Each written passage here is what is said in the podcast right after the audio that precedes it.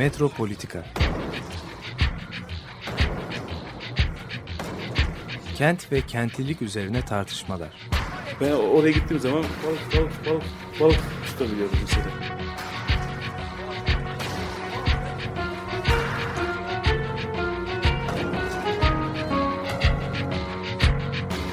Hazırlayıp sunanlar Aysim Türkmen, Korhan Gümüş ve Murat Güvenç. Takusuyor ki. kolay kolay boşaltamadılar. Yani elektrikçiler terk etmedi Perşembe Pazarı merkezini. Merhabalar. Bugün programı e, Aysim Türkmen ve ben Korhan Gümüş birlikte yapıyoruz.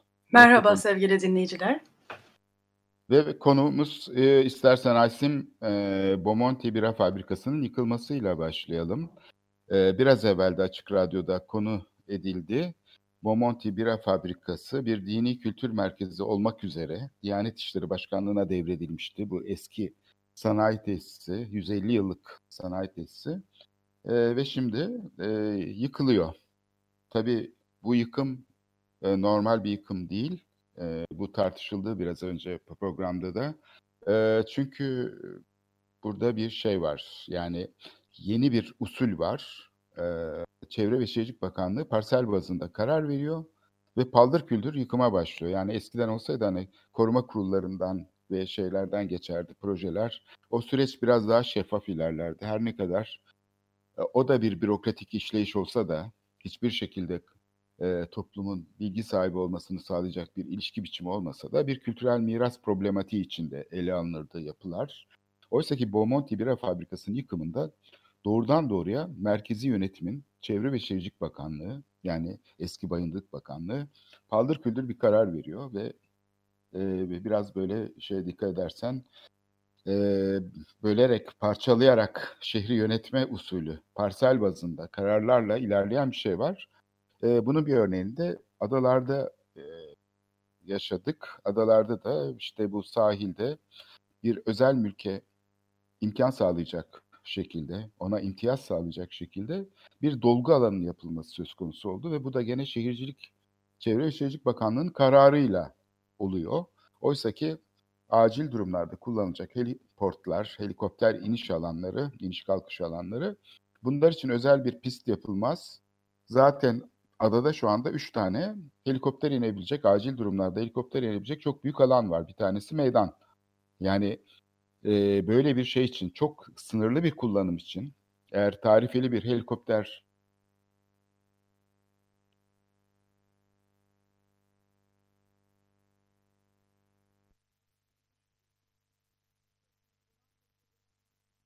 yapılacak olan şey konmasıdır. Dolayısıyla benim sesim geliyor mu? Evet şu anda geliyor Koran. Ha, şimdi Bomonti Bira Fabrikası'nın bulunduğu yer e, şehrin eski endüstriyel alanı. Yani 19. yüzyıldaki endüstriyel alan. Burada tekstil var, çikolata şekerleme fabrikaları var. Otomobil üretimiyle ilgili ilk başlayan şeyler var, sanayi girişimleri var. Böyle bir yerde yer alıyor Bomonti Bira Fabrikası ve Bomonti tabii e, semte adını veriyor. Bomonti ailesi kurmuş bu tesisi. E, bira fabrikaları Avrupa'da şehirlerin içinde yer alan, şehirlerin hemen kıyısında yer alan 19. yüzyıldaki önemli sanayi tesisleri. E, bu şeyin tabii yıkım meselesi e, biraz düşündürücü çünkü biranın aslında bir kültürel hafıza meselesi olduğunu ben açıkçası e, üniversitede anladım. Ondan önce farkında değildim. Birayı her yerde açıkta içiyordu çünkü insanlar. Sonra biranın bu açık yerlerde içilmesine karşı böyle travmatik bir hafıza olduğunu, bunun böyle engellenmeye çalışıldığını, bunun kötü bir şey olarak gösterildiğini sonra fark ettim. Hiç, yani ben limonata içer gibi biranın içildiğini zannediyordum. E, oysa ki öyle değilmiş. E, çünkü ben e, küçüklüğümden beri bu Bomonti bira fabrikasını biraz e, Avrupa'daki bu hani Prag'daki binalara, işte Almanya'daki binalara falan benzetirdim. Yani bana o dik çatısı e, şeyi falan sanki böyle bir yer değiştirmiş olmak gibi gelirdi.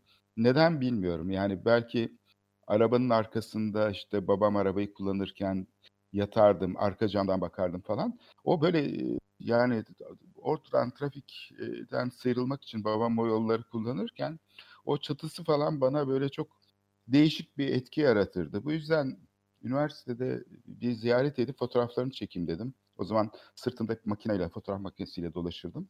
Hiç ummadığım bir tepki aldım. Yani Milliyetçi Cephe hükümetleri sırasında mıydı bilmiyorum ama Bomonti Bira Fabrikası'ndan fotoğraflarını çekmek istediğim için e, bana bunu izni vermedikleri gibi hani mimarlık öğrencisi olduğumu ve bu e, binanın e, özelliklerinin ilgimi çektiğini, fotoğrafı çekmek istediğimi söyleyince e, neden çekmek istiyorsun diye beni genel müdüre kadar götürdüler ve sorgulattılar. Böyle bir şey yaşadım, kişisel bir olay yaşadım. İşte o zaman farkına vardım çünkü orada bir afiş görmüştüm. İHA Hulusi'nin bir afişi var.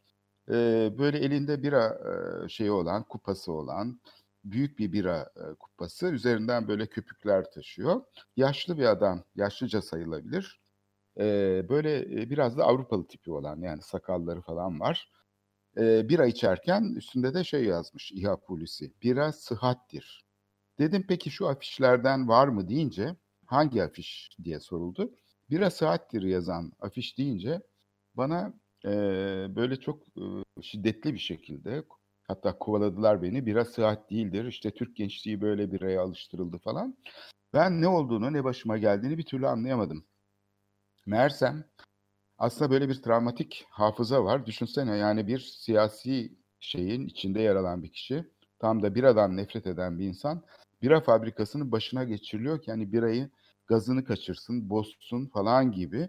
Böyle bir yani silme, onu yok etme kaygısının olduğunu açıkçası düşünüyorum. Yani onu bir biz tabii kültürel miras olarak algılıyoruz ama siyasal tarih içindeki algılanma biçimi belki çok daha farklı.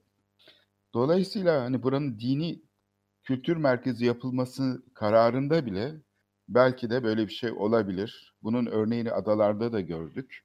Yani böyle bir hep karşıtıyla bir şeyle cevap vermek, hep bir şeye saldırgan bir tutumla, hatta kendisini sürekli mağdur hissederek güç kullanan bir iktidar. Bağ kuramadığı için geçmişle, kuramadığı için de o kadar saldırgan oluyor, hatta şey oluyor, e, dışlayıcı oluyor. Hatta kimi zaman da e, yıkmak, yok etmek istiyor. Yani böyle bir e, sahiplenme biçimiyle karşı karşıyayız şehri. Bunun örneğini de birçok yerde görüyoruz kültürel miras örneklerinde. Benim bilmiyorum bağlantı sağlıklı oluyor ve sesim rahat duyuluyor mu? Ama Aysin beni duyuyor Evet musun? evet gayet rahat Ha. duyuyoruz e, Korhan. E, yani e, her tarafı indirgeyen bir e, tavır sanırım. En çok da kendi kendini de indirgeyen bir tavır sanki değil mi? Yani e, kendini de bir e, kalıba koyup o kalıbın dışında artık hareket edemeyecek hale gelen de bir iktidardan da bahsedebiliriz. Yani hani e, ortamı öyle yaptığı gibi yani taraflara bölüp karakterizasyonlara, tiplemelere ayırıp ve birbirleriyle çatışmacı hale getirdiği gibi kendisini de artık hani e, yana e, sağa sola bile dönemeyecek hale getiren böyle bir e, tek tip bir şeye de dönüştü. Yani bu da aslında ilginç bir durum. Sadece ortamı değil kendisi de böyle bir o kalıbın dışında artık nasıl hareket edemeyecek yani hani o kadar dondurdu ki kendisini de e, Evet. O, o tarafı da düşünmek gerekiyor. Kendisinin hiç düşünemeyecek hale gelmiş olmasını da gösteriyor bu. Yani hani e, belirli kalıplar içine bütün ülkeyi soktuğu gibi kendisini de soktu. Kesinlikle. Bu çok doğru bir tespit. Yani iktidar ve temsil ettiği kitle kendi muayilisini kolektif bir melankoli ya da kimlik diyelim buna duygusu üzerine kuruyor ve isyan üzerine bunu üstüne kuruyor. Yani burada e, kimlik bir şekilde e, bir şeyleri değiştirmekten çok hani e, bir iktidar tabakasının temsiline indirgeniyor ve böylece onu düşünmekten alıkoyuyor. Yani burada e, ne olduğunu düşünmek e, imkanı sağlamıyor. Sorunun kendisi farkına varsa bile bu rolü oynamak onun için bir kolaylık sağlıyor. Varoluş meselesine dönüşüyor kimi zamanda ve bu rolü oynamaya devam ediyor iktidar. Kendisi benimsemese bile. Yani Ayasofya'da örneğin ötekileştirdiğinin varlığına, hatıralarına, acısına, duygularına karşı son derece hissiz kalmak üzerine kuruyor kendisini. Bu, bu yani bunun şeyini halbuki kavrayabilse mesela o zaman çok daha farklı tepkiler verebilir ve çok daha farklı bir şekilde kendisini ifade edebilir ve hitap ettiği kitleleri de dönüştürebilir bir iktidar. Ama bu şekilde dönüştürücü bir rol oynayamıyor tam tersine gelişmelerin kuyruğuna kapılıp gidiveriyor.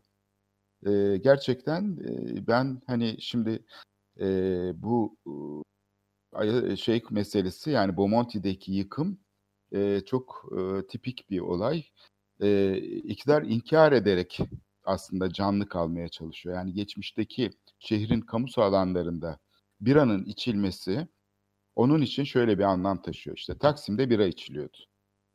İşte şeyde Bomonti bira fabrikasının etrafında bira içiyordu. Bira işte şeylere konup, kamyonlara konup fıçılarla şehrin değişik yerlerine servis ediliyordu. Tepe başında bira içiliyordu. 6. dairenin yapmış olduğu parkta. Yani bütün bu kamusal alanlarda neredeyse bir bira egemenliği vardı ve bu aslında şehrin Osmanlı geçmişi. Şehrin Osmanlı geçmişinin modernleşme sürecinin bu şeyi aslında inkar edilerek onu sanki şey olarak kötü yozlaşmış bir şey gibi göstererek kendisini var eden bir iktidar. Yani Osmanlı geçmişinin de aslında şeyi yok edilmesi anlamına geliyor. Yani sahiplendiği Osmanlı'yı aslında seçici bir şekilde transforme ediyor. Yani artık Osmanlı onun için bir miras değil, geçmişten gelen bir şey değil. Sanki gelecekte yeniden kurgulanması gereken, yeniden icat edilmesi gereken bir şey haline dönüşüyor. Yani bu kendi bu anlamda kendi manevra alanlarını, politik manevra alanlarını tamamen kapatmasından da bahsedebiliriz. Yani hakikaten e, dondurulmuş bir tarihi dondurulmuş e, güne ve dondurulmuş geleceğe taşıdığı sürece politik manevra alanlarını kaybediyor. Ama burada bir anlamda şöyle bir fırsat da doğuyor aslında muhalefete. Muhalefete daha büyük manevra alanı açılmaya tabii, başlanıyor. Tabii kesinlikle. Ya burası çok büyük bir fırsat aslında bir anlamda. Çünkü AKP'nin bence e, yani e, bütün tarihini düşündüğümüzde politik manevrayı e, iyi becermiş bir parti olduğunu da görmezden gelemeyiz. Hani iyi politik manevralar yaptı. Ama şimdi kendi manevra alanlarını yok ediyor. Ama bu arada da e, aslında e, belki de bu tarih boyunca bu manevra alanlarını görmeye de yol açtı. Hani muhalefet de biraz daha farklı e, alanlar fark ediyor ve şimdi oraları da oynamaya da başladı muhalefet. Hani Şimdi evet. daha enteresan bir boyuta çıkacak. Yani bir yandan çok dondurucu, çok ikileştirici, çok taraflara bölen ve birbirleriyle çatışmacı bir şey, bir iktidar görüyoruz. Ama diğer yandan muhalif alanların daha farklı muhayyilelerle ortaya çıkabileceği bir alanın da açıldığını görüyoruz. Evet buna da ben katılıyorum kesinlikle. Çünkü sahiden yani geçmişte şeye bakarsak mesela üniversite ile şehrin ilişkisine bakarsak hani işte Türkiye'nin en eski mimarlık e, eğitimini veren kurum Galata Port'un bu dönüşümün yaşandığı alanda bulunuyordu ve çevresindeki dönüşüme karşı ilgisiz kaldı. Gene Bomonti'de e, aynı üniversite mesela kat karşılığı işte bir e, kamu e, yani hazineye devredilmiş bir araziyi aldı. Aynı dini kültürel mer- e, merkez gibi bu sefer de üniversite yapmak için benzer bir yöntemle oraya bir yüksek bir gökdelen inşa etti ve bunu kat karşılığı verdi. Yani kentsel dönüşümde nasıl müteahhitler davranıyorsa üniversitenin üstelik de sosyal bilimler alanında çalışması, ıı, çalıştığı çalışan bölümleri buraya sessiz sedasız nakledildi ve kimse bu şeyi sorgulamadı. Yani üniversitenin şehirle ilişkisi acaba böyle mi kurulmalı? Bu şekilde mi bir endüstriyel alan dönüşümü ya da bir kültürel miras meselesi ele alınmalı diye kimse sorgulamadı o tarihlerde. Bu çok yakın bir tarihte gerçekleşti. E, herkes bunun içinde yer alıyor. Yani aslında itiraz edermiş gibi gözüken söylem de aslında bu taleplerini dile getiriyor ama ötesine geçmiyor. Yani o şeyin e, sürecin yönetiminde bir aktif rol almıyor. Sadece görüş ileri sürüyor, itiraz ediyor. Hukuk yoluyla belki meslek odaları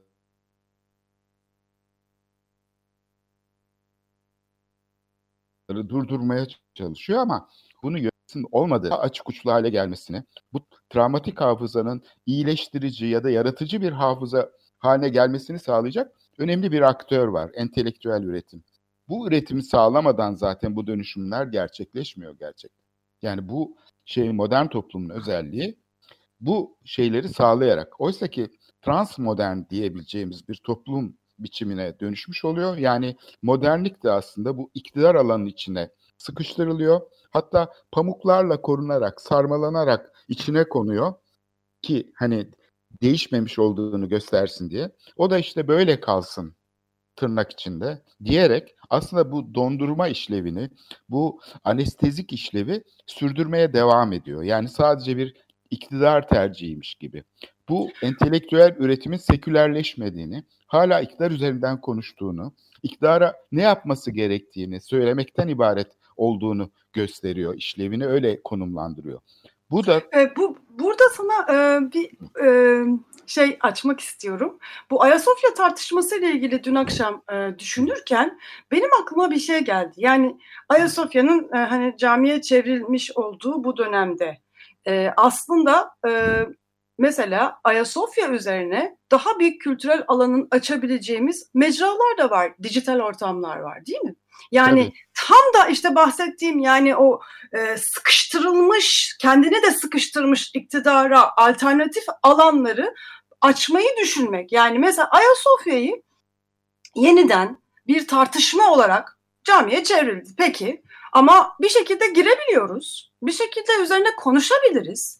Üz- üzerinde hani e, hatta işler yapabiliriz. Yani e, illa hani onun müze olarak kalmış ol, olmasını yani burada tamam kaybettik gibi düşünmeden tekrar kazanma yolu olarak alternatif bir mecra açılabilir gibi düşünmeye başladım.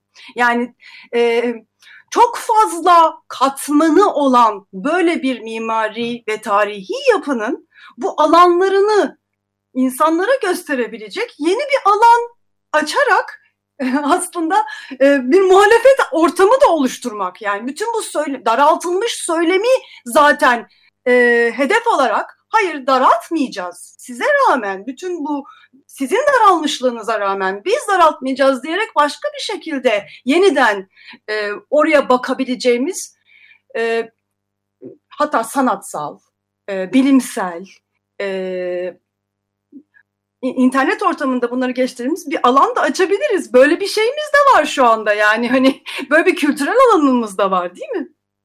Evet bunun bir örneği işte şey bu Stanford Üniversitesi'nde yapılan çalışma. Ayasofya'nın e, dijital özelliklerini yani mekandaki reverberasyonu vesaireyi modelleyerek dijital ortamda Ayasofya'nın akustik özelliklerini yeniden üretip sanal ortamda o özellikleri sağlayarak Kore'ye yani bu şeyi ortaçağ e, müziklerini dile getirecek Kore'ye bunu sağladığın anda şu anda yayında işte YouTube'dan izleyebiliyorsun. Ayasofya'da konser veriyorlar ve bu ortaçağ müziklerini canlandırıyorlar. Aynı içinde seslendiriyormuş gibi. Oranın orijinal özelliklerine göre akustik özelliklerini kullanarak o reverberasyonu ve şeyleri yansımaları şey yaparak e, bu konseri yapıyorlar ve e, gösteriyorlar ki Ayasofya nasıl e, şey yapılabilir, e, canlan, canlandırılabilir. Oysa ki müze işleviyle cami işlevi arasında hiçbir fark yok. Çünkü ikisi de bürokrasiye bağlı. Ne müze müze olabildi, şehirle ilişki kurabildi. Geçmiş hafıza katmanlarıyla büyük bir fırsattı aslında. Bir müze için bulunmaz bir fırsattı.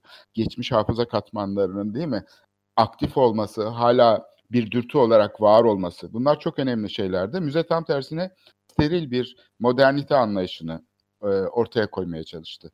Şimdi ben Sadece şunu... gidip turistler orada aslında yani orayı görüp geçen hani orayı aslında tüketen e, bir şekilde e, yaşadılar. Yani şu anda mesela o belgeselin e, yaptığı o, o akustik üzerine e, yapılmış olan çalışmanın e, yaptığı o boyut açma işlevini de zaten müzeyken de gerçekleştiremiyordu.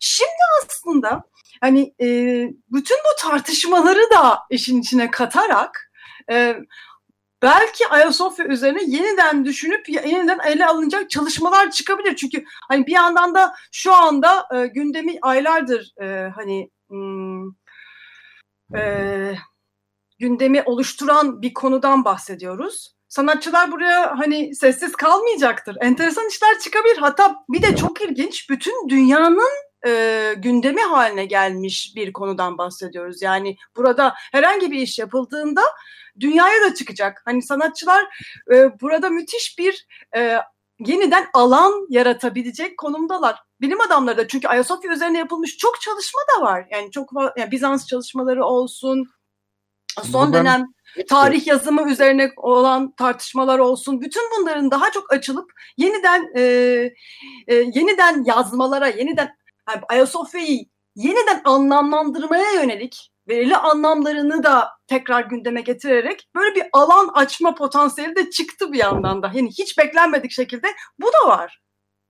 Kesinlikle katılıyorum. Yani bu aslında musallat olacak bir e, şey olarak e, cami fonksiyonunda da hazır duruyor. Çünkü bu binlerce yıllık tarihinin e, bir şekilde onlara karşı e, duygusuz kalmak, hissiz kalmak, başkalarının ne düşündüğünü hesaba katmamak mutlaka musallat olacak. Başka bir hafızaların harekete geçmesini sağlıyor. Zaten yani burada travmatik hafıza dediğimiz travmatik bir özdeşleşme biçimi. Yani kapitalizmin kendi sınıfsal şeylerini dikkate almayan bir özdeşleşme biçimi içeriyor. Oysa ki güncel sanatta olduğu gibi modern şehircilik deneyimlerinde, güncel şehircilik deneyimlerinde olduğu gibi, güncel kültürel miras problematiğinde olduğu gibi buradaki e, yani travma aslında bir şekilde öz bilinci alıkoyan bir şey. Yani insanların farkına varmasını engelliyor. Yaşadığı, karşılaşmış olduğu problemle ilişki kurma kabiliyetini ortadan kaldırıyor. Demek ki yalnızca kültürel e, e, miras problematiğinin meselesi binalar, taşlar değil. Asıl mesele bu kapitalist modernleşmesinin kendisini koşullandırdığı travmatik hali. Çünkü bu sınıfsal mesele üzerinde bir deneyim üretmezse güncel sanat olmuyor. Gün, bu sınıfsal mesele üzerine bir deneyim üretmezse yani sosyal meseleyi dikkate almazsa kültürel miras problematiği de aslında koşullanmış bir travmatik hafızaya yol açıyor. Müze olayında olduğu gibi. Yani burada çok iki tane farklı tavır var. İster müze olsun ister cami olsun. Çelişki bu ikisi arasında değil sadece. Aynı zamanda bilgiyi potansiyelsizleştiren başka şeylerde. Mesela bu şeyleri hatırlıyorsun. Geçtiğimiz e, günlerde akademisyenler, işte meslek kuruluşları Ayasofya'nın müze yani bir müze olarak kalmasının daha doğru olduğunu savunan metinler kaleme aldılar. E, biz de tabii yani ben de mesela işte müze olmasının hani daha doğru olduğunu e, düşünüyorum açıkçası ama müze zaten müze değildi ki. Yani müze olarak kalmasının daha iyi korunmasını sağlayacağını, daha barışçı, daha kapsayıcı bir ilişki yaratacağını hepimiz düşünebiliriz. Ama mesele o değildi ki zaten müze de müze değildi. Müze de Kültür Bakanlığı'na bağlı. Yani kendisini sekülerleştirmek yerine halkı sekülerleştirmeye çalışan, oranın cami olmadığını ya da kilise olmadığını söylemek için, bunu vurgulamak için icat edilmiş bir kavramdı. Dikkat edersen iki müze arasında yani tamamen bir ters yönde bir fark var. Birisi hafızaları dikkate alan, onların e, şeyini e, üzerinde çalışan bir müzeleştirme girişimi olabilirdi. Ona müze diyemeyiz belki de. Ama bizim kullandığımız müze kavramı tam da devletin kendisini merkeze aldığı, toplumu sekülerleştirmeye çalıştığı bir müze kavramıydı. Halbuki amaçlanan devletin seküler olması, devletin farklı hafızalara açık olması, farklı anlamlara açık olması. Bizim devlet sivil alana müdahale eden bir müze kurdu orada. Sivil alanı kontrol altına almaya çalışan bir müze diyebiliriz biraz hani şey yaparak. Bu yüzden Hani Ve bunu da bir yandan da bu hani bir yandan da bunu e, aslında e, turizm piyasasına da teslim olarak e, tabii hani ki. hiçbir şey yapamadı yani. Koruma fikri yani bu bürokratik koruma modeli yani halka sopayla dayatılan koruma modeli seküler olmayan koruma modeli diyeyim yani halkı şey yapan nesne olarak gören koruma modeli tam tersine bir boşluğa dönüştürdü. İşgal edilebilecek bir boşluk haline getiriyor. Tıpkı Ve yıpratan bir da bir yandan da yani. Otopark gibi yani otopark işletmesi gibi. Yani mimari bu kadar değerli bir mimari e, mirası yıpratan da bunu da atlamamak lazım. Yani o kadar insanın o kadar e, hani yoğun bir şekilde burayı kullanıyor olması sürekli gelip geçer bir şekilde yani değerlendirmeden kullanıyor olmasında da bir sorun vardı yani. Kesinlikle. Yani bu yüzden aslında müze olarak kalmasının daha doğru olduğunu savunan metinlerin ne işlevi olacağını ben düşünüyorum. Bunların e, bir etki yaratacağını ve e, düşünmüyorum. Yani daha doğrusu benim endişem bu itirazların hiçbir zaman yeterli olmayacağı. Tıpkı bütün mi, kültürel miras konularında olduğu gibi. Akademik söylemi olsun, bu mesleki pozisyonu olsun, bilgiyi potansiyelsizleştiren, yalnızca karşısındaki ideoloji ya da işte şey değil, iktidarın ne yaptığı değil, aynı zamanda kendi eylemselliğinden de kaynaklandığını düşünüyorum. Çünkü bunları dile getirmek iktidarı bir şekilde bu transmodern çağda mağdur haline getiriyor. Sanki bilgiyi yani ve siyasi otoritenin seslendiği kitleyi eleştirel ve mağdur bir şey haline getiriyor. Ee, sanki hakları elinden alınmış gibi. Dolayısıyla bu şekilde bir hesaplaşma, bir sorgulama fırsatı olamıyor. Tam tersine e, böyle bir e, şey tarafından bastırılmış gibi hissediyor ve histerik bir özdeşleşmeyle oranın tekrar cami olmasını savunan bir şey çıkıyor. Milliyetçilik biçimi karşımıza çıkıyor. Bir e, arzu çıkıyor karşımıza. Dolayısıyla buradaki şeyin e, aynı zamanda bilgi problemi olduğunu düşünüyorum. Bilginin kendisinde olan problem. Bu sekülerleş olmayan kültürel miras problematiği bunu halka zorla dayatmaya çalışan bir kültürel miras problematiğiyle karşı karşıyayız ve bu imtiyazlı bir sınıfın sanki kendi kimlik temsiliymiş gibi bu transmodern çağda çok güzel pamuklar içinde korunarak iktidar bloğunun içinde korunuyor ve e, izole ediliyor ki böylece e, iktidar da kendisini mağdur hissetsin sürekli işte bu bilgi sayesinde yani kapitalizmi temsil etmiş oluyor bilgi sınıfsal ayrım üreten, insanları işaretsizleştiren, neyin doğru olduğunu bilen bir ruhban sınıfı gibi davranan bir kitleymiş gibi gösteriyor ki böyle algılandığı sürece de kültürel mirasın korunmasıyla ilgili hiçbir şey yapılamaz hale geliyor. Ya evet. uzmanların e, yaptığı e, şeyde de e, yani var olan bir mekanı böyle abidevi bir mekanı verili kabul ediyor. Yani bir, bir bilimsel olarak burası budur diyor kültürel miras olarak burasını böyle tanımlıyor ve orada donduruyor aslında.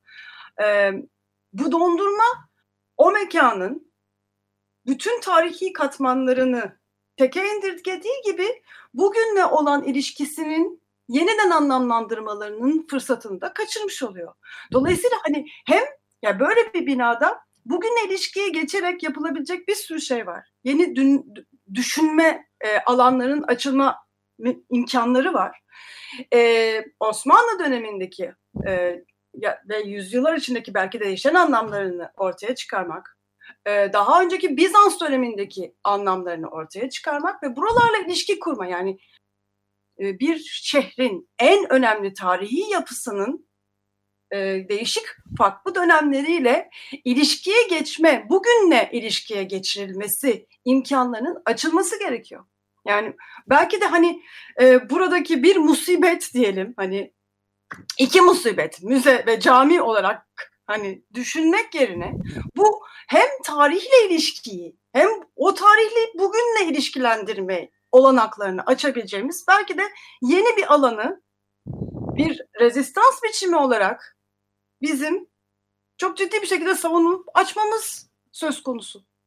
Evet bu bir fırsat olabilir tabii. Çünkü Ayasofya'nın müze olma halini sorgulamadık. Yani e, bunu bir kamusal işlev olarak nasıl e, şeyi devleti değil de sivil toplumu sekülerleştirmeye çalışan bir kurum olarak işlev gördüğünü sorgulamadık. Müze olması bizim için yeterliydi.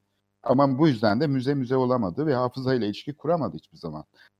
Yani şimdi bu şey yani bu kimliğin bu şekilde sekülerleştirilmesi yani sivil toplumu sekülerleştirmeyi hedefleyen bir e, şeyin e, devlet anlayışını yani bilim anlayışını diyelim aslında bir e, şeylerden biri olduğunu e, söylemek mümkün. Yani ölü, e, ölü formlardan biri. Müzede hiçbir hayat belirtisi yoktu gördüğüm kadarıyla. Ne ölüydü ne canlıydı yani. Bir hayalet gibi bir kurumdu. Çünkü bu şekilde hani hala böyle savunulursa o zaman ne oluyor? Bugün hala savunalım. Burası müze olarak kalsın. O zaman demek ki devletin içinde bunu temsil ettiği bir devlet katmanı, bir toplumsal tabaka vardı. Bunu anlıyoruz. Bu yüzden böyle kalsın talebi ya da müze olsun talebi Ayasofya'yı camiye dönüştürmesini engelleyecek bir girişim değil. Yalnızca bu bürokratik tabakanın koruma eylemsellikleri içinde bu toplumsal tabakanın kendi varlığını ifade etmesiydi. Yani bunun bu şekilde imtiyaz alanının korunmasını sağlamak anlamına geliyordu. Bu yüzden aslında çoğu zaman e, muhalefet kendisini böyle e, şey yapan, dondurucu bir şeye, düşünsel alanı kapatan, tıpkı diğeri gibi onu düşünmekten alıkoyan bir şeye doğru kapatıyor. Böyle kalsın derken. Çünkü onu zihinsel eylemselliklerle işleyerek değil, sadece kendi pozisyonu itibariyle bir nesne olarak konumlandırmaya çalışıyor. Kültürel mirası koruma fikri yaratıcı bir eylemselliğe senin dediğin gibi açılamıyor. Sadece e, aklıma böyle... şey geldi. Gene böyle bir dün akşam e, bir yandan da Virginia Woolf okuyorum hmm. bu aralar. E, hatta Açık Radyo programında Orlando üzerine Virginia Woolf e, Orlando eseri üzerine olan bir programı dinliyordum podcastlarda ve e, Orlando'da 17. yüzyıldan itibaren 18, 19, 20. yüzyılda uzanan e, bir karakter e, cinsiyet değiştirerek birbirlerine bakıyor. Kadın erkek birbirine bakıyor. Cinsiyet değiştiriyor ve oradan öteki tarafa bakıyor.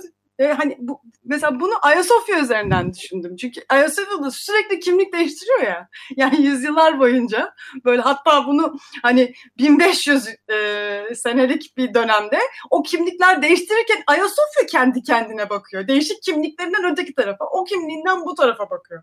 Yani böyle bir alan açsak yani Ayasofya'ya söz versek hani Ayasofya bir konuşsa e, bizimle o ilişkiye geçse, bugünün kentlileriyle o ilişkiye geçse değişik dönemlerinden konuşarak ne enteresan bir şey olurdu değil mi? Evet bugün mesela ben ne olacağını söyleyeyim. Şimdi hem hem e, moz, bu mozaikler biliyorsun tasvirler çok önemli. Yani Ayasofya'nın özellikle Fossati kardeşlerin çalışmasıyla birlikte dünyaya mal olan, sonra bir arkeolojik nesne ya da bir mimarlık tarihinin önemli bir nesnesi haline gelmesini sağlayan şeylerden biri, belki de en önemlisi bu mozaikler aynı zamanda, mimari özellikleri yanında.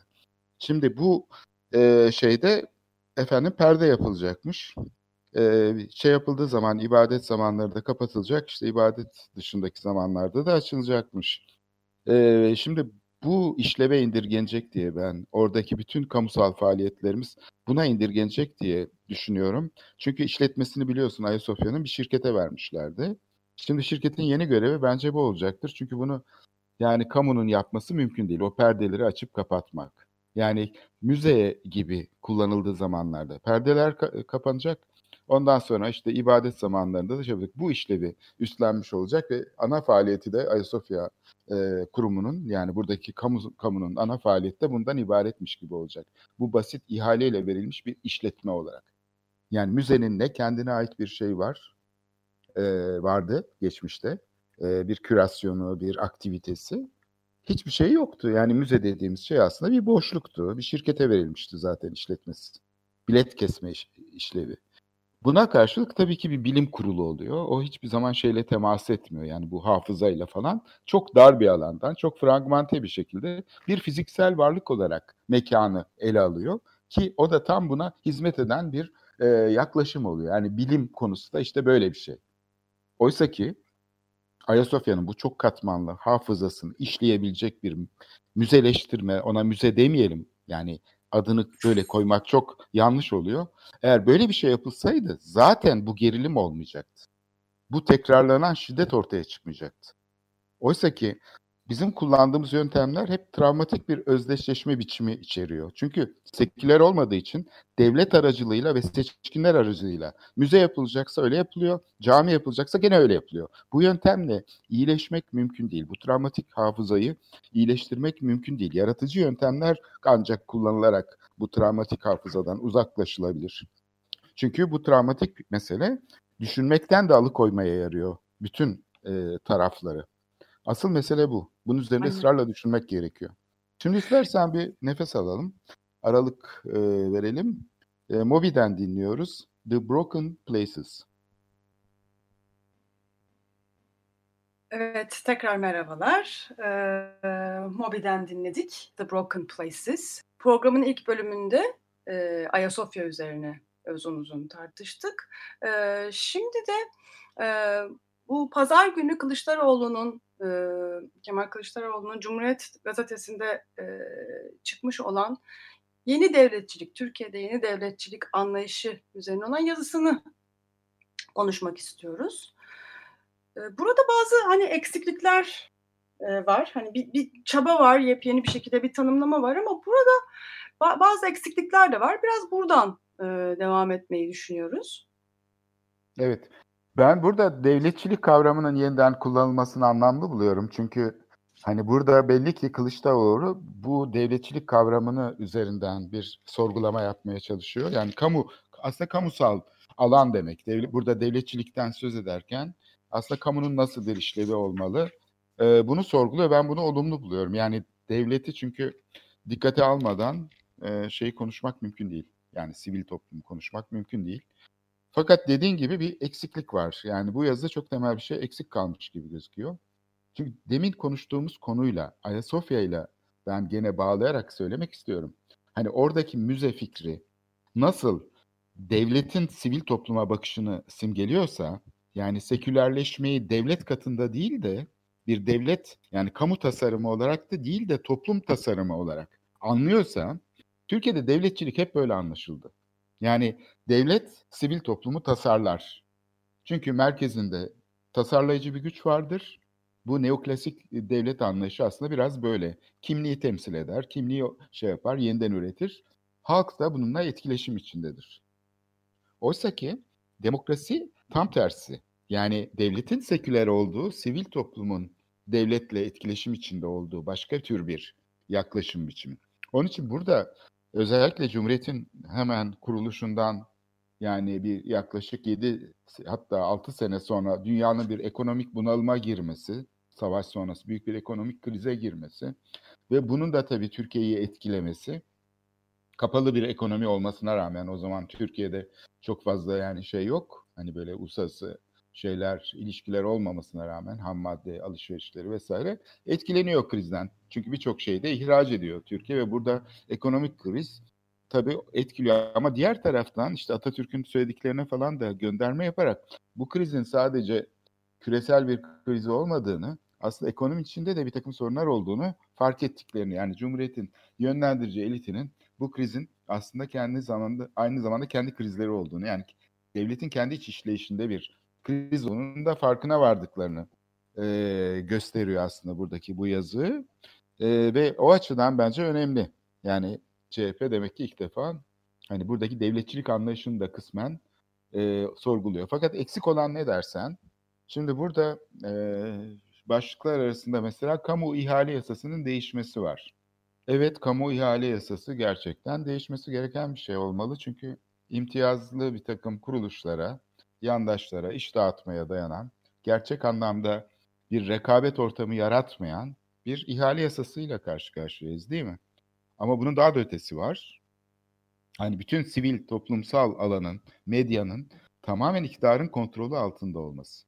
İktidarın adeta şeyle sivil topluma yayılmış olması, devleti kullanarak.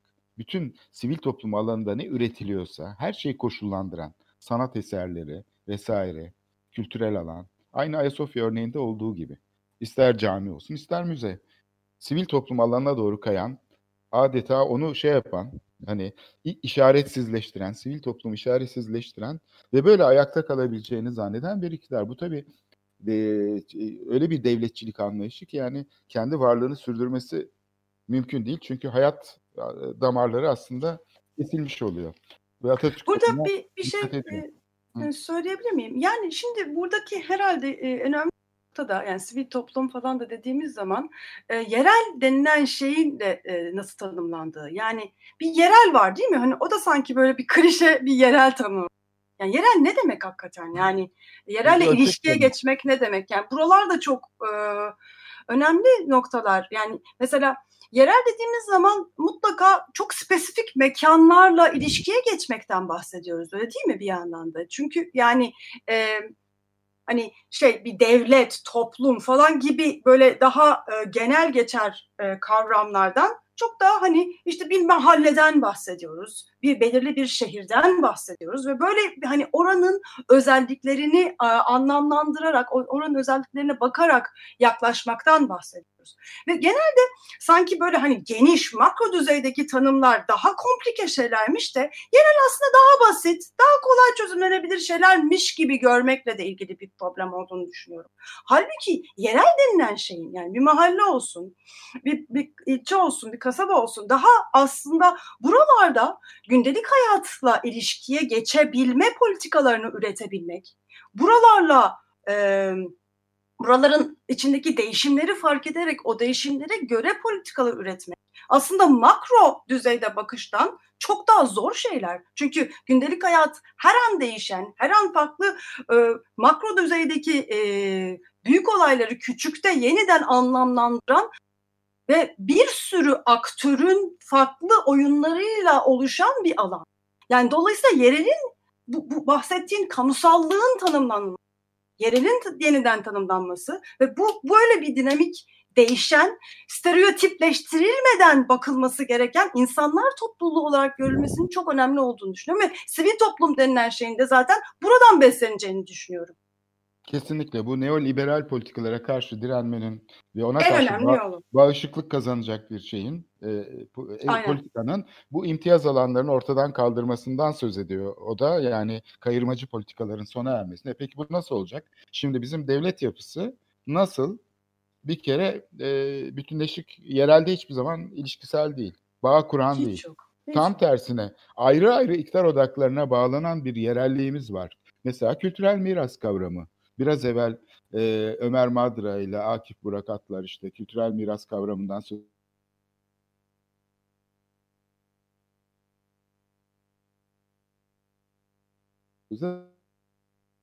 Koran koptun. Ee, ederken Kültür Bakanlığı'nın işleyişine de dokundular biraz. Yani koruma baktığını mesela Bomonti'ye, Ayasofya'ya. Bu yüzden de hiçbir zaman e, şey yapamıyor. Bir zaman böyle bir hafızayı harekete geçiremiyor. Bilmiyorum siz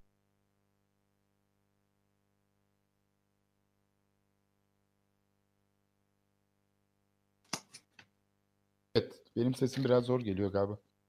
bir kopukluk oluyor evet Koran. Ha, evet yani bu şeyi e, söylüyordum bilmiyorum arada e, senle konuştun ama e, bu şeyin bir kere bağ kurmayı beceremeyen yerelde temas sağlayamayan bir kamu işleyişi var. Tamamen tek bir boyutlu yani tek öncelikli işte kültürel miras mesela işte şey böyle bir Bir de orada üzerine. söylediğim önemli bir nokta var Koran. Yani yereli nasıl da e, tanımladığında da problem var. Yerel denilen şeyi zaten baş- yani yerel denilen şeyin ne kadar komplike bir şey olduğunu e, görmeden onu tanımlayıp onu aslında indirgeyen, stereotipleştiren e, bir hani her birinin ayrı aktör ve ayrı düşünme yapılarına sahip ve yeniden e, gündelik hayatı biçimlendiren aktörler olarak görmeyen bir e, tanımlamayla da bağlantılı bir sorun var. Yani Kesinlikle, onların evet. sözlerinin, onların gündelik hayatla ilgili tasavvurlarının, yaşam biçimlerinin e, ne kadar dinamik ve aslında dünyayla da bağlantılı olduğunu görmeyen, statikleştiren ve e, maalesef oryantalist kalıpların içinde ve bu, bu stereotiplerle onları belirli bir e, e, indirgemeci bakış açısında kitleyen, durduran e, bir e, tanımlama biçiminde de problem var. Hani oradaki o müthiş e, zenginliği olabilecek kapasiteleri fark ederek onlara yaklaşılmadığı sürece yerel de kendisini e, iktidarın tanımlamış olduğu, farklı iktidarların onu tanımlamış olduğu kalıpların içinden sadece reaksiyon veren şekilde ortaya koyuyor. Ya burada da çok büyük bir problem var. Kendini nasıl gören e, bir devlet varsa kendini öyle gören de bir e, hani sivil toplum ve e, öyle gören e, yerel e, halktan da bahsedebiliriz. Yani bu hani bu bakış açısının değişmesiyle kendini yeniden e, görmesini sağlayacak ve dolayısıyla kendinin yaptıklarını değerli kabul edip buradan e, çözümler üretecek, buradan politikaya katılmayı talep edecek. Politikanın çizdiği dar kalıpların içinden değil, hayır yeni politika üretme imkanlarımız, potansiyellerimiz var diyecek bir yerellik tanımına da ihtiyacımız var. Evet ben şimdi bu Kılıçdaroğlu'nun yazısındaki en temel eksikliğin bu olduğunu düşünüyorum. Aynen. Yani çünkü yani kamu ihale yasasından söz ediyor ama Aynen. yaratıcı işleri, kültür alanını, kültürel politik alanı nasıl eklemleneceğini kamu sistemine hiç sorun etmiyor. Yani Burada bir şey daha söyleyebilir miyim Koran? Çünkü kültürün tanımında çok büyük problem var. Yani kültür dediğimiz bir şey statik Türk kültürü, İslam kültürü, Batı kültürü diye kodladığımız sürece yani kültürün aslında gündelik hayatımızda yaptığımız bütün işlerin bir bütünü, bütün e, tasavvur hayallerimizin, tasavvurlarımızın bir bütünü olarak değişken, dönüşen bir şey olarak tanımlamadığımız sürece yani bu bu dar kalıplarda kültürü hapsettiğimiz sürece bu problem devam ediyor. işte sekülerleşme problemi diyorum ben buna. Yani kültürel politik alan sekülerleşmiyor. Yani iktidara bağımlı bir işlev olarak görülüyor. Çünkü kamu ihale yasasıyla mesela e, mimari projeler, şehircilik çalışmaları ihale edilebilecek ya da protokolla bir takım kamu kurumlarına yaptırılabilecek demektir. Bunu hiç sorgulamadan kabullenmek bence buradan başlıyor mesele. Önümde şimdi benim şey var. İstanbul Büyükşehir Belediyesi'nin bir bülteni var. Hani İstanbul Büyükşehir Belediyesi bir bülten çıkarıyor ve bunu haftalık olarak mı çıkarıyor ya da aylık olarak mı çıkarıyor tam bilmiyorum ama aylık galiba e, şeye dağıtıyor vapur iskelelerinde falan edinmek mümkün. Şimdi bu son sayfası yani kapak içi sayfası, arka kapak içi sayfası ihaleleri içeriyor. Yani bir e, süre içinde e, e, ihale işleri müdürlüğü tarafından ihale gündemini açıklıyor. E, burada işletmeler müdürlüğünün mesela konserve, yağ ve benzeri ambalajlı gıda alım işi var. İşletmeler müdürlüğünün dondurulmuş elma dilim, küp ve parmak patates alım işi var. Gene e, şey işi var, e, İşletmeler Müdürlüğü'nün 2020 yılı için et ve et ürünleri alım işi var. Ve aynı zamanda Şehir Planlama Müdürlüğü'nün İstanbul Vizyon Çalışması var. İstanbul Vizyon Çalışması ve Bütünleşik Mekansal Gelişim Strateji Belgesi'nin oluşturulmasına yönelik araştırma, veri toplama, analiz, proje ve yönetim modeli çalışmaları hizmet alım işi var. Tam olarak böyle. Yani fikir üretimini patates satın alır gibi, margarin satın alabilir alabilir misin? Yani kiloyla fikir satın alır mı? Burada ihaleye girecek firmalar, yani bu tam neoliberal e, şey modelinin, katılım modelinin bir örneği. İhale ile fikir satın almak. Sanki fikir kiloyla satılabilir bir şeymiş gibi. O zaman ne oluyor? Senin dediğin gibi bürokrasi kapalı uçlu çalışıyor. Yani şartnameleri teknik şartname halinde hazırlarken neyin gerekli olduğunu, ihtiyaç kavramının ne olduğunu biliyor ve ona göre tarif ediyor hizmet. Yani bunu neye benziyor biliyor musun? Kültür Bakanı'nın heykel yaptırmasına benziyor. Heykeli yaptırırken de kendisi tarif ediyor şartnamesinde. Heykelin boyu şu kadar olacak, yüksekliği şöyle olacak, atın üstünde olacak işte şey falan. Ee, şöyle şu yöne bakacak, rengi şu olacak. Yani sanat eseri tarif etmek gibi bir şey. O zaman ne oluyor? Şehir Planlama Müdürlüğü tıpkı bir sanat eserinin tarif eder gibi planı, vizyon çalışmasını tarif ediyor, şartnamesini ortaya çıkarıyor ve bu hizmeti ihaleyle satın alıyor. Ve bunu gerçekten yapıyor. Yani bu şaka gibi ama yapıyor. İşte buna dokunmazsak, yani bu meseleyi eğer tartışmazsak o zaman hiçbir zaman sekülerleşmeyecek demektir sivil alan. Çünkü o şartnamenin hazırlanması bir kere yaratıcı bir iş. Şartname öyle bürokrasi tarafından hazırlanabilecek bir şey değil. Onun içinde ne olacağına bürokrasi kendi başına karar veremez. Tarlabaşı projesinin mesela nasıl olacağına müteahhite veriyorlar, ihale ediyorlar, veriyorlar. Peki oradaki kadın çalışmaları ne olacak? Kadınların sosyal hayata katılımı. Vatandaşlık şeyi olmayan, statüsü olmayan insanlar var. Onların durumu ne olacak? Yani bunları e, bir şeyin, kamunun kendi başına tarif etmesi, projelendirmesi, çünkü projelendirme hizmeti bu aynı zamanda şartname hazırlamak. Çünkü içerik oluşturuyorsun, program oluşturuyorsun. Bunu tek başına kamu otoritesi yapabiliyorsa İstanbul Büyükşehir Belediyesi o zaman aynı merkezi yönetim gibi davranmış oluyor. Hiçbir farkı yok. Yani bu neoklasik bir devlet anlayışının göstergesi. Dolayısıyla Kılıçdaroğlu'nun yazısındaki bence en önemli eksiklik sivil toplumla, kültürel politik alanla kurulacak ilişkinin hiç mi hiç konu edilmemesi. Sadece ekonomist bir yaklaşımla Yani sosyal demokrat vizyonu sadece ekonomist bir yaklaşıma indirgeyen sanki özellikler içeriyor gibi. Dolayısıyla hani şeyi sorguluyor, imtiyaz alanlarının yaratılmasını vesaire sorguluyor ama bunun eylemsel olarak asıl arkasındaki problematiği, neoklasik devlet anlayışını, kültürel politikalarını kendisine bağımlı kılan anlayışı bence pek sorgulamıyor diyebilirim. Belki de e, gene hani e, Ayasofya'da hani e, alternatif alanların açılması gerektiği gibi e, burada da yani muhalefet içinde e, böyle bir alan düşünmek gerekiyor yani hani muhalefeti de besleyecek. Yani burada e, bir dakika hani burası burada biz de varız. Yani biz de yerel e, insanlar olarak e, kültürü yeniden üreten, e, her an her şekilde aktif e, öznel olarak ortaya koyan insanlar olarak biz bunları talep ediyoruz diyecek bir sivil toplum alanı biz açıp bu programlara, bu yeni düşünme biçimlerine katılmamız gerekiyor. Kesinlikle ben bunun başarılı olabileceğini gördüm. Yani Atatürk Kültür Merkezi'nde bu deneyim yaşandı ve e, pekala başarılı oluyordu. Yeni Kapı'da e, böyle bir deneyim yaşandı.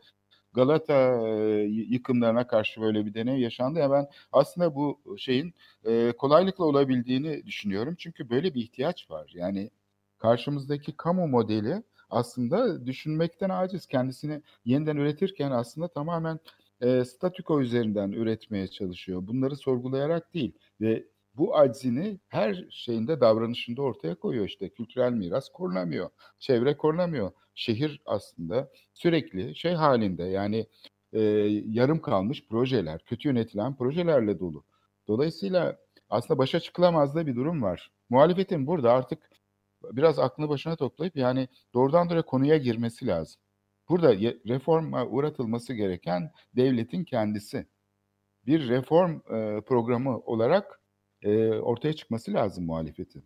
Böyle bir reform programının arkasına kitleleri toplamaması mümkün değil. Ama halkı sekülerleştirmeye çalışan, müzeleştirmeyi yani Ayasofya'daki müzeleştirme gibi dayatan bir devlet modeliyle karşısına çıktığımızda o zaman tabii ki etkili olmuyor.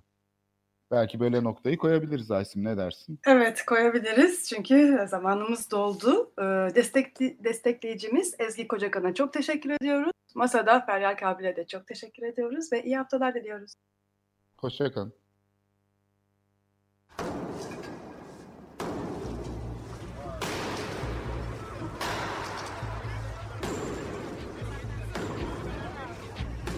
Metropolitika Kent ve kentlilik üzerine tartışmalar. Ben oraya gittiğim zaman balık balık balık balık tutabiliyorum mesela.